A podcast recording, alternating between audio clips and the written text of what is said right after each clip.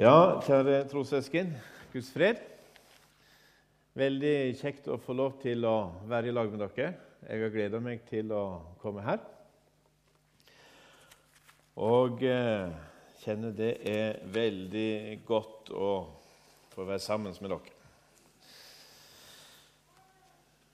Jeg eh, kommer litt lenger nordfra enn eh, forsamlingslederen deres. Jeg er en, en utflytta helgelending. Og eh, har de siste 25 kiloene bodd på Vestlandet.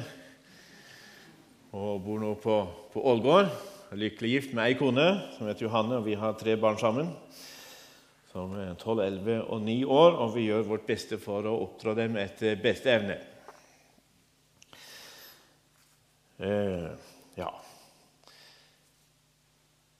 Jeg er som sagt veldig glad for å få være sammen med dere og få lov til å dele noe av det som eh, Gud gjør rundt om i verden. Jeg eh, er ansatt som områdeleder i Rogaland i Åpne dører. Og eh, det er jo et stort privilegium, syns jeg. Og så er det noen ganger sånn at jeg kan synes det blir i meste laget. For det er en voldsom problemstilling som mange av våre trossøsken opplever. Det siste året så har jo forfølgelse av kristne blitt en mer sånn oppfatta virkelighet i, i Vesten. En har på en måte skjønt at det er en problemstilling for veldig mange mennesker. Eh, og det er jo mye takket være IS, eller ISIL, Islams stat, som på mange måter har synliggjort for oss den grove uretten som mange, mange, mange kristne opplever fordi de tror på Jesus.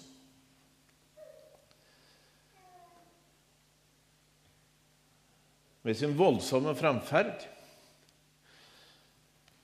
med sine moderne våpen og sin store økonomi, så har altså IS på kort tid tatt store og viktige byer i Irak og i Syria.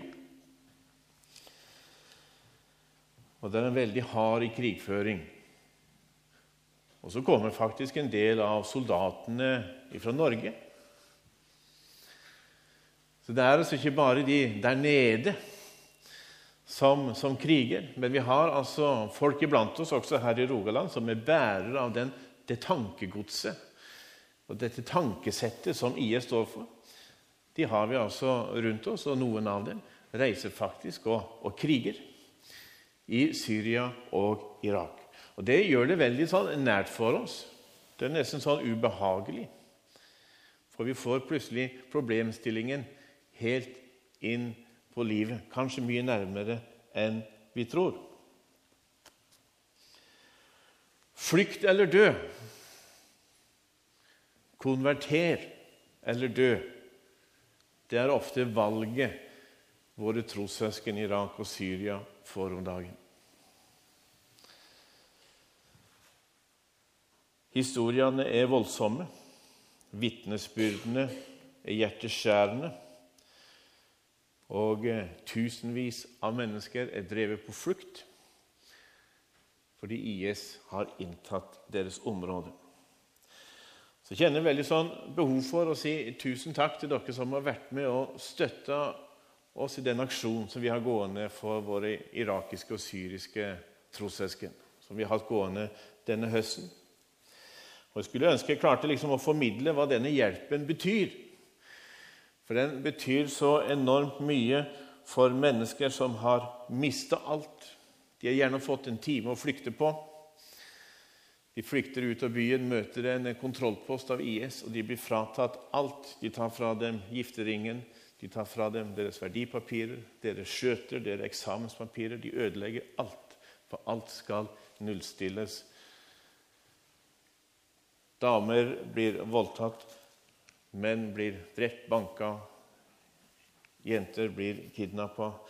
Ulykken er stor, og det er voldsomme vitnesbyrd.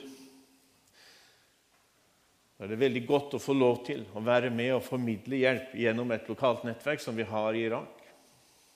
Vi har hatt de siste 20 årene. Mennesker som vet hvem som trenger hjelp, som er i stand til å bringe fram hjelpen. Både til de som har flykta, og til de som ikke kan flykte. For det er ikke alle som kan flykte. Noen er for gamle, de har ikke helse. eller et eller annet som gjør at en ikke kan flykte fra byene. Da trenger en lokal kompetanse.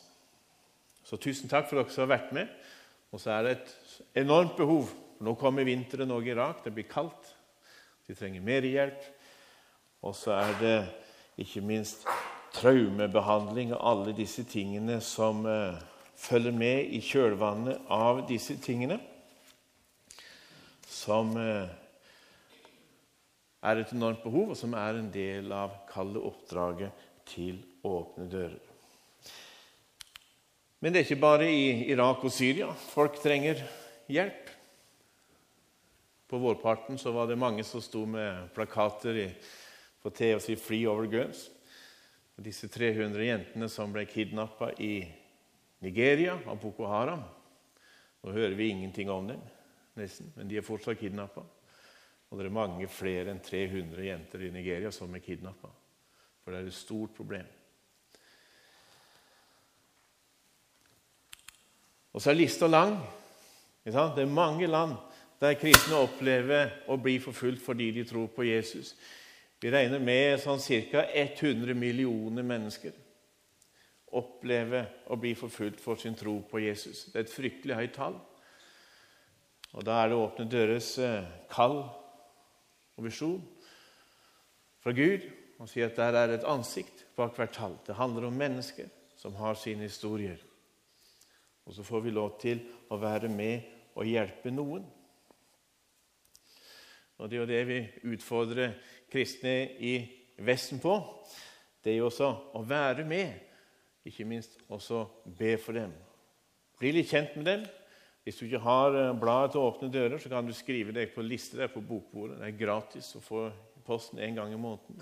Får du små vitnesbyrd fra dine forfulgte trossøsken. Jeg har jo alltid med meg disse bøkene. For jeg synes Det er så viktig at folk leser. For Når du leser, så får du mer kjennskap til hvordan de tenker, hvordan de reagerer, hvordan de samhandler.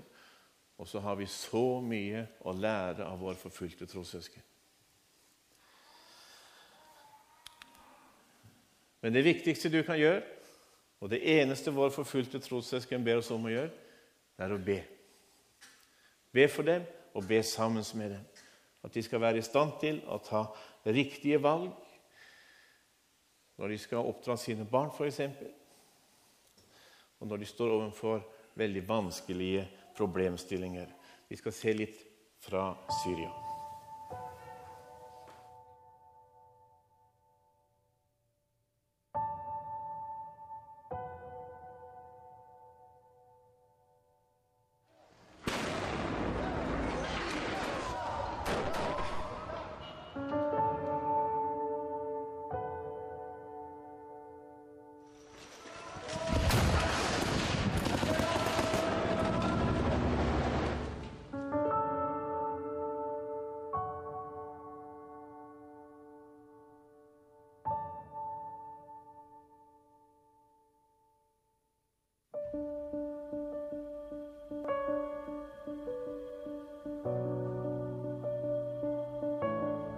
24 hours, day and night, you hear shooting and bombing. You hear sounds 24 hours a day. Uh, so they are, of course, afraid on their lives, and especially people with little children. Each time they hear a bomb or something, they are, you know, terrified. So this is really leaving a very disastrous effect and impact on, on a whole generation. There are areas where Christians have been intentionally displaced. And once the Christians have left, they have destroyed their homes, their churches, and everything. This is a clear message that you are not welcome to come back again. In one instance, there was a half Christian, half Muslim town with around 7,000 Christian families there. And from the minarets, they told the Christians to leave, otherwise, they would be slaughtered one by one.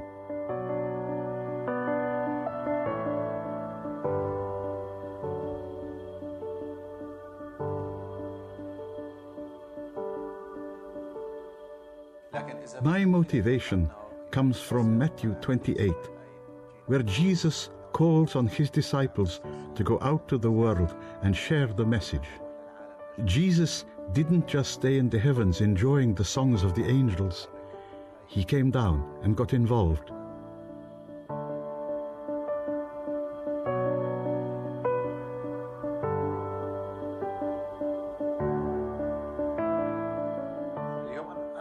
Right now, I am talking to you, but my mind is somewhere else.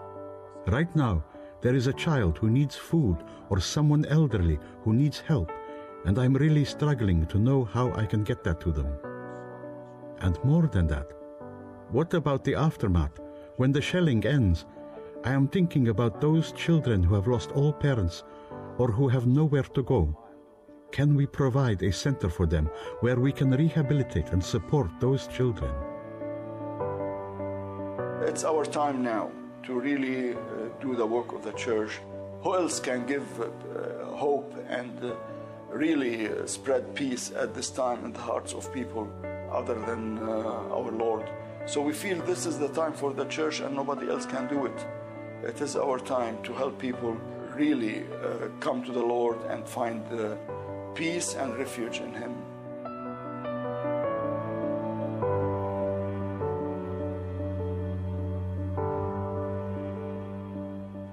I want to thank Open Doors, but first I have a request.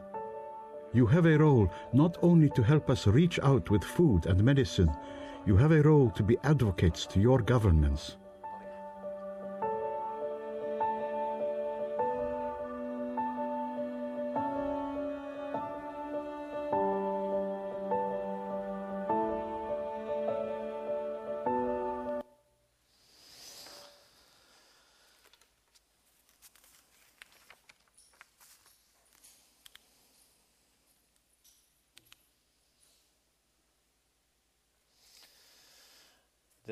Et, eh, et glimt av, eh, av, Syria.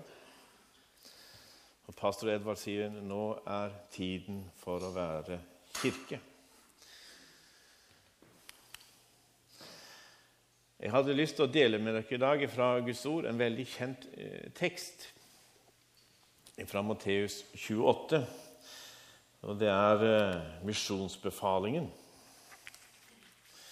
Jeg hadde sikkert holdt mange taler her i misjonssalen over misjonsbefalingen. Men så er det sånn at eh, Guds ord det er levende og virkekraftig og lærer oss stadig nye ting. Og kanskje du får møte noe nytt med Gud. Og Vi prøver oss litt på misjonsbefalingen igjen i dag. For Jesus sa til disiplene rett før han eh, for til himmelen, så sier Jesus at 'meg er gitt all makt i himmel og på jord'. Gå derfor ut og gjør alle folkeslag til disipler. Idet dere døper dem til Faderens og Sønnens og Den hellige ånds navn, og lærer dem å holde alt det jeg har befalt dere, og se, jeg er med dere alle dager inntil verdens ende.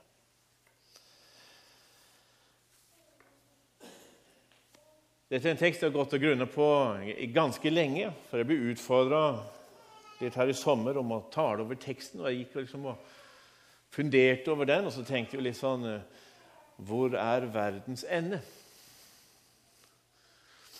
Hvor er det hen? Og så begynte jeg å tenke på når jeg gikk på, på barneskolen. For der lærte vi om eh, våre forfedre i Norge, de som seilte på sjøen. For de var veldig redde for å skulle seile for langt ifra land. For de var redde for oss å seile ut forbi kanten. Fordi de trodde jorda var flat, at den sto på noen søyler. Hvis du leser Hårek, denne tegneserien, så ser du at av og til så dukker det opp en stripe der de holder på å seile ut forbi kanten. Og Så bar de i seg denne frykten for eh, at de skulle komme for langt ut. Og så orienterte de livene sine ut ifra at det var riktig, det som de trodde. Vi vet jo at det var feil, men de trodde det var riktig. Og planla sine liv ut ifra det. Så de hadde altså noe kunnskap om, eh, om naturen og naturlovene, men langt ifra alle. Og så ga det seg mange rare utslag. Eh, og så gikk de med en, en unødvendig redsel og fikk på en måte litt sånn innskrenka liv eller livsutfoldelse. Så gikk det en del år, og så kom det en mann som het Columbus. Han trodde jorda var rund, og han ville finne sjøveien til India. Men han ville seile den veien. Og så var det mange som sa at det er umulig. Det går ikke an. For skal du til India, så må du seile den veien. Men han ville seile andre veien og trosse det som de andre sa var umulig. Og så la han av gårde.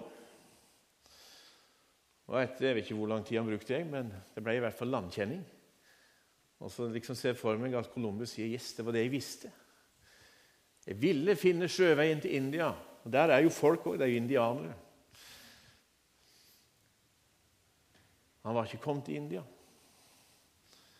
Men han hadde gjort noe som andre sa var umulig. Og så har det vært sånne her oppdagelsesreisende opp igjennom, og mange mennesker som har gjort ting som folk sa det er helt umulig. Det går ikke an. Men det går an fordi de vågte å krysse noen grenser og ikke la seg styre av frykt. Og Sånn er det også i Guds rike. Fordi at det skjer mye mer i Guds rike enn det vi tror vi ser, enn det vi tror vi hører. Gud er på ferde i verden, og noen ganger så er det sånn at en kan få helt bakoversveis. Og Jeg tenkte jeg skulle ta dere med litt på hva vi ser i den forfulgte kirke, som Gud gjør. For å se konsekvensene av at muslimer blir kjent med Jesus. Det at de får ta imot ham, at de begynner å lese i Bibelen, begynner å lære barna sine å lese i Bibelen. De konsekvensene er kjempestore. Det at vi engasjerer oss, er med på å bringe evangeliet ut til nye folkeslag, til nye grupper. Det setter store ringvirkninger i aksjon. Vi vil prøve å dra en litt sånn stor linje. Og Da har jeg lyst til å begynne med det bildet der. Det kjenner vi gjerne igjen. Det er fra Mekka. Det er muslimenes mest hellige by. Og Hvert år så reiser det millioner på millioner av muslimer på pilegrimsferd til Mekka. Mange reiser også til den andre nest helligste byen, som heter Medina. Det var der profeten Mohammed bygde den første moskeen. Og Så reiser de dit, for de går med en lengsel i hjertet. De går med en lengsel i hjertet. De lengter etter fred, de lengter etter frelsesvisshet, etter håp, etter bekreftelse. De bærer på så mange ønsker i sine liv, så mange bønnebegjær. Og så reiser de, og så faster de, og så underkaster de seg i håp om å pådra seg Allahs oppmerksomhet. Men Allah, han er en lunefulle Gud. og Han er taus. Og denne tausheten skaper et enormt vakuum på innsiden hos veldig mange muslimer. Hvis du og jeg skulle prøve å reise inn til disse byene, så vil vi bli møtt av et skilt som ser sånn ut. Det er dødsstraff for vantro å skulle bevege seg inn i disse byene. Det er kun muslimer som har adgang.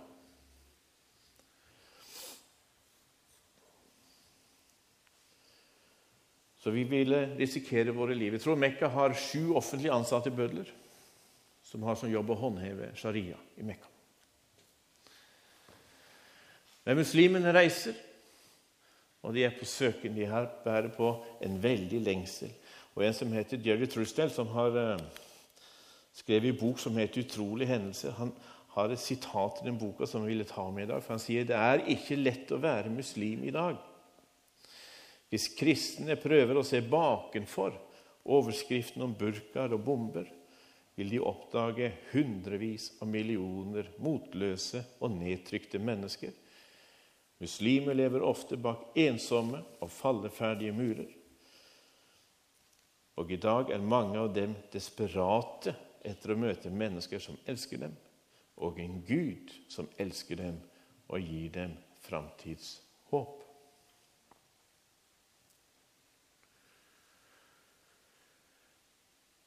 Når muslimer i Midtøsten konverterer og blir kristne, så møter de mange problemer. I Saudi-Arabia mister du hodet. Eller i alle fall drept på en eller annen måte. Så det er mange forskjellige utslag av begrensninger og forfølgelse kristne opplever. Jeg hadde lyst til å hente et eksempel fra Egypt, hvor jeg har vært noen ganger og snakket med mennesker der. Og eh, en av konsekvensene som, eh, som konvertitter i Egypt møter, det er det at de ikke får forandra sitt identitetskort. For Alle borgere av Egypt har et identitetskort der det står navn og nummer. og adresse, Eller ikke adresse, men hvor du er født og sånn. Og så er det en rubrikk i det identitetskortet som forteller hvilken religion du tilhører. Om du er muslim, om du er kristen, bahai eller hva enn det måtte være. Og så er det sånn at Hvis du er kristen og ønsker å konvertere til islam, så kan du gå på et kontor med identitetskortet ditt, og så vil de forandre det til at det står 'muslim' i kort. Så får du stempel og klapp på skuldra. Men hvis du er muslim og blir kristen, så er det nesten helt umulig å få forandra dette identitetskortet. Mange egyptere har betalt med livet sitt for at de ønsker å få forandra religionstilhørelsen på identitetskortet. Og så er det sånn at ifølge egyptisk lov så har alle barn krav på å få religionsundervisning i den troen som foreldrene tilhører. Sånn så jenta her på bildet.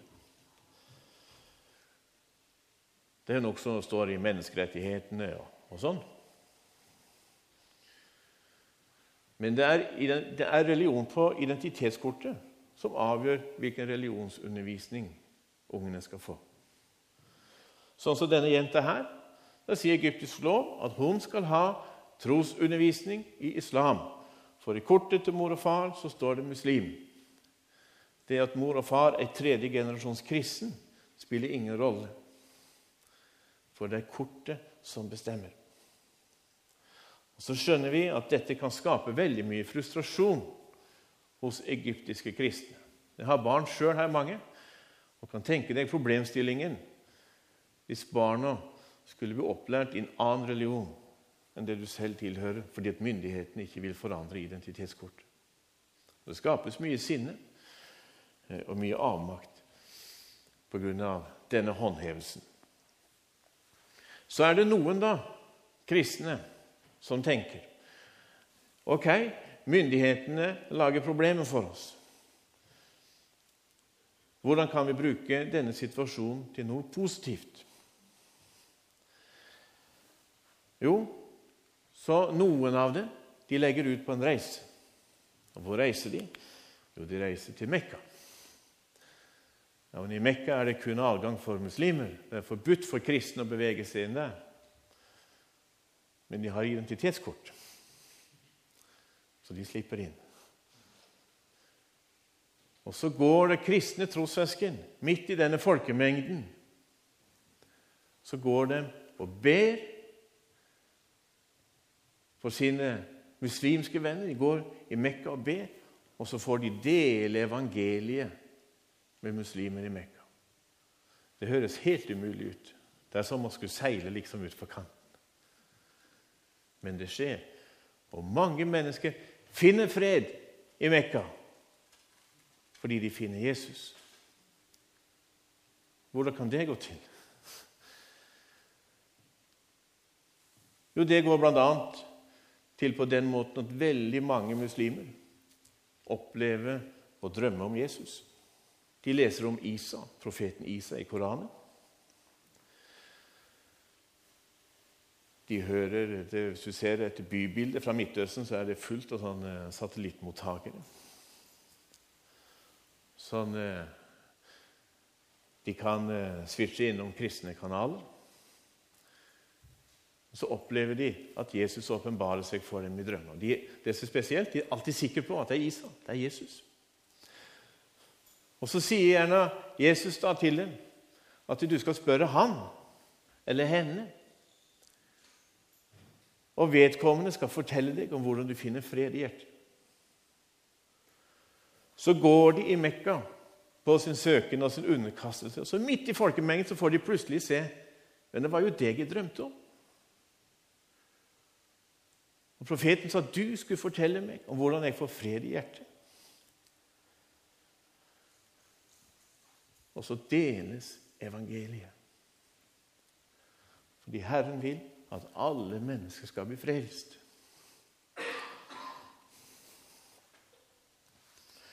Jesus sa en gang, 'Løft blikket og se, markene står hvite til høst'. Hvis du leser denne boka, så finner du mange av de vitnesbyrdene.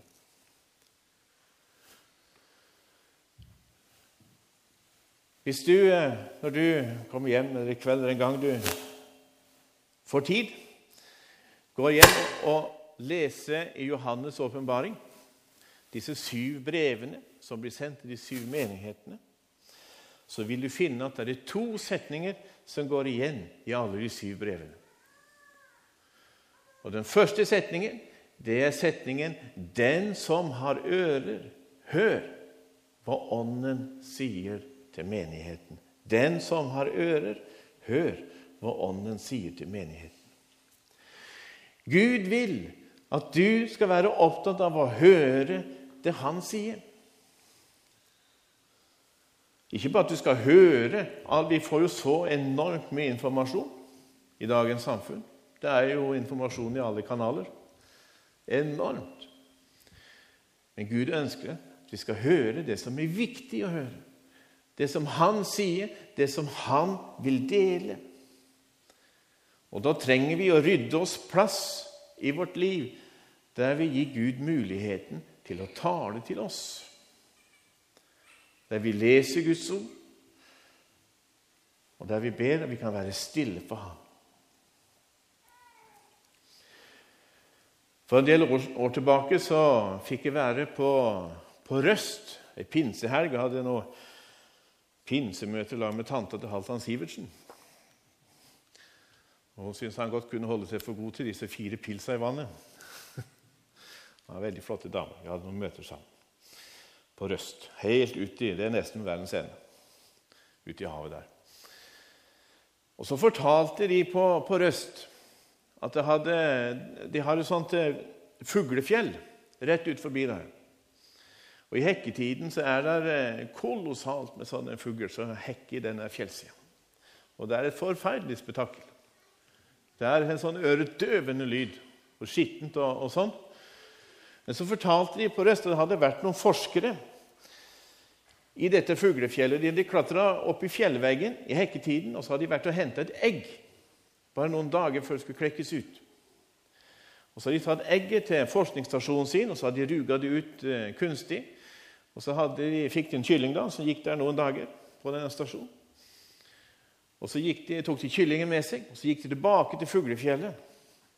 Og Så satte de kyllingen ut, men på motsatt side av fjellet hvor de hadde hentet egget. De forske da? skulle se hva skjer med kyllingen. Vi henter egget der. Vi setter den der. Hva skjer i dette her enorme kaoset av lyd? Og Da fortalte de at det gikk bare kort tid, så kom det en fugl henta kyllingen, fløy den tilbake til reiret hvor de hadde henta egget fra. Og Så kunne de fortelle at kyllingen, når den ligger i egget, så lager den lyd. Så ligger fuglemora og ruger på dette egget, og så hører hun lyden. Og så er hun altså i stand til å høre sin lyd i dette her enorme spetakkelet. Og flyr rundt og hører det er min lyd. Så henter hun ungen sin og flyr tilbake. Og Det er et godt bilde på hvordan Gud ønsker at ditt forhold til Han skal være. Du skal være i stand til å skjelne og høre lyden. Hva er det Gud sier? Hva er det Gud vil si til meg? Og det er klart, Når vi sitter og ser på TV om, om IS-soldatene som gjør grusomme ting, eller Boko Haram, eller hvem de nå måtte være, disse grupperingene som forfølger kristne Hvem er det du ser? Jo, vi ser mennesker som gjør grusomme ting.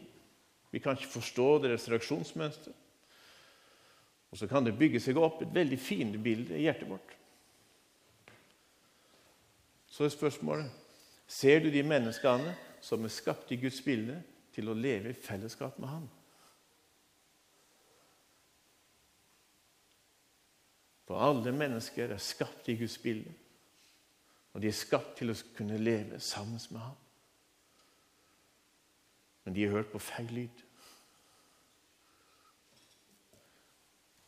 Hvordan kan IS-soldatene bli forandra? Jo, de trenger et møte med Jesus. De trenger å møte han som kan høre dem, og som kan se dem.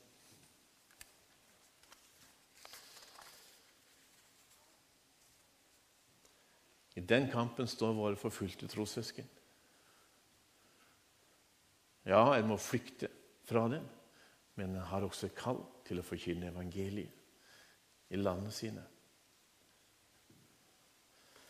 Den andre setningen som går igjen i disse syv brevene i Johannes' åpenbaring, det er setningen 'Den som seirer'.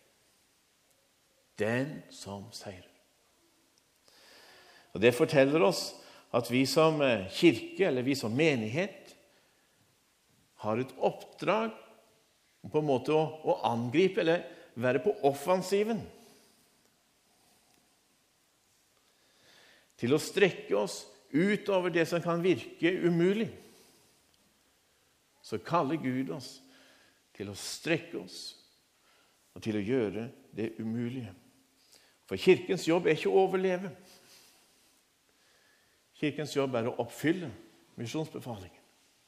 Det oppdraget vi har fått, å gjøre alle folkeslag til disipler. Verden for Kristus. Hele verden for Kristus. Det gjelder også kirken i Midtøsten. Og det gjelder kirken i Norge. Og det gjelder misjonssal i Sandnes. Målet er at verden skal bli fylt med kunnskap og kjennskap til Herren. Og selv i en seirende hær så vil det være såre, sårede og, og døde. Misjonsbefalingen handler ikke om trygghet men det handler om å lyde og å tjene. Og så kan det se helt umulig ut. Og det kan gå langt utenfor det som vi tror er mulig å få til. Og noen ganger ser vi ikke selv hva vi er med på. Men det skjer fordi vi kjemper sammen. Og så er det dynamikken i Guds rike vi skal få lov til å være med på. Vi ber vi engasjerer oss, vi vet om, vi gir, noen reiser, noen tjener, og så er vi i funksjon. Og så er det Gud som gir vekst. Og så vokser Guds rike mye mer enn vi aner. Det var en prest du snakket med Egypt. Han sa det at den dagen islam faller i Egypt, så vil de som blir mest overraska over hva Gud gjør i dette landet, vil bli oss kristne. For det skjer så mye spennende som vi ikke får høre om.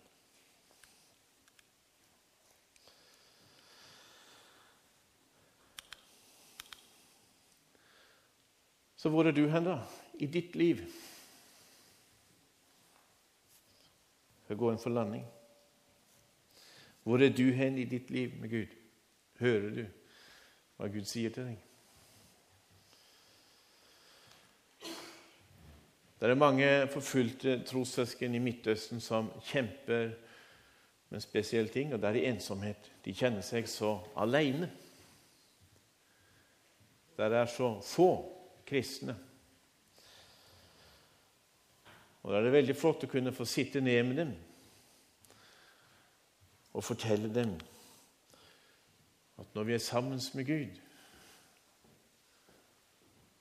så er vi ikke alene, men vi er faktisk i majoritet. For det er ingen som er større enn Gud. Det er ingen som har mer makt. Sammen med Gud vil vi alltid være størst om vi er alene.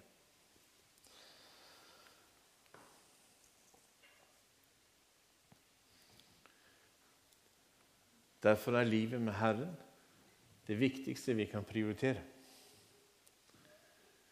Lese Hans ord, la Han tale til oss, sånn at vi får handle på det som Han sier. Det står I, andre, i 1. Korinterbrev kapittel 2 så står det at det, det intet øye så, og intet øre hørte, det som ikke kom opp i noe menneskes tanke, alt det har Gud gjort ferdig for dem som elsker Ham. Hva gjør vi med folk vi ikke liker? De som er vanskelige, om det er naboen eller kollegaen eller hvem det måtte være. Vi har alle personer som vi syns er vanskelig og krevende å omgås. Hva gjør vi med dem? Skaper vi fiendebildet i hjertet? Eller klarer vi å løfte blikket opp til Herren for å få hans utkikkspunkt for menneskene vi har rundt oss. Det er en stor utfordring, også for meg. Men Gud kaller oss til å se det som han ser. Noe av det som skaper størst rystelser i Midtøsten for tiden, det er budskapet om tilgivelse. Hvis dere husker vel Et år tilbake så ble president Morsi tatt av makten i Egypt og det muslimske brorskapet de tok ut sitt sinne til gangs, og det gikk utover kristne. De brant kirker, de brant hjem, de brant eiendommer. De kidnappa jenter fra kristne og masse overgrep. Der Det grått bøttevis av tårer i Egypt for den uretten som ble påført disse dagene etter presidenten falt, eller ble tatt av makten. Så kom det noen muslimer til de kristne, og så sier de dere må ta hevn. Dere må ikke finne dere i å bli behandla som hunder. Det er urett. Vi skal kjempe med dere. Slå igjen. Men de fleste kristne har valgt en annen vei. Og Du kan kjøre forbi nedbrente kirker i Egypt hvor de har skrevet på veggen 'Vi velger å tilgi'. Og Da kommer spørsmålene hvordan kan du tilgi? Hvilken Gud er det du tror på, som gir deg styrke til å tilgi? Og så blir evangeliet forkynt. Det er smertefullt, ja. Og nye mennesker vinnes for Jesus. Og Denne rystelsen som tilgivelsen skaper i Midtøsten, den planta seg helt inn i Mekka så er det en sanggruppe. Jeg skal vise dere en liten filmsnutt til slutt. En sanggruppe som har lagd en sang som de har sendt på Sat7, disse TV-stasjonene. Det har gått i mange land i Midtøsten, og mange mange mennesker har fått et møte med Jesus gjennom denne sangen. For De gikk inn i en av de nedbrente kirkene i den byen som ble verst behandla i Egypt, heter Minja. gikk de inn i en av de kirkene, så sang de inn en sang om tilgivelse.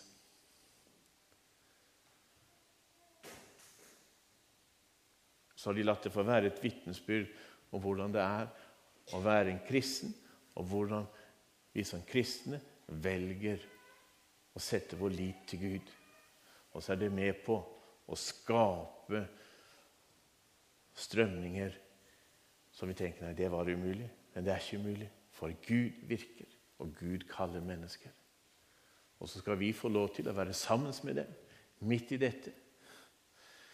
Vi skal få lov til å be, ikke bare for dem, men be sammen med dem, så at de kan få ta rette avgjørelser og kunne si de rette tingene.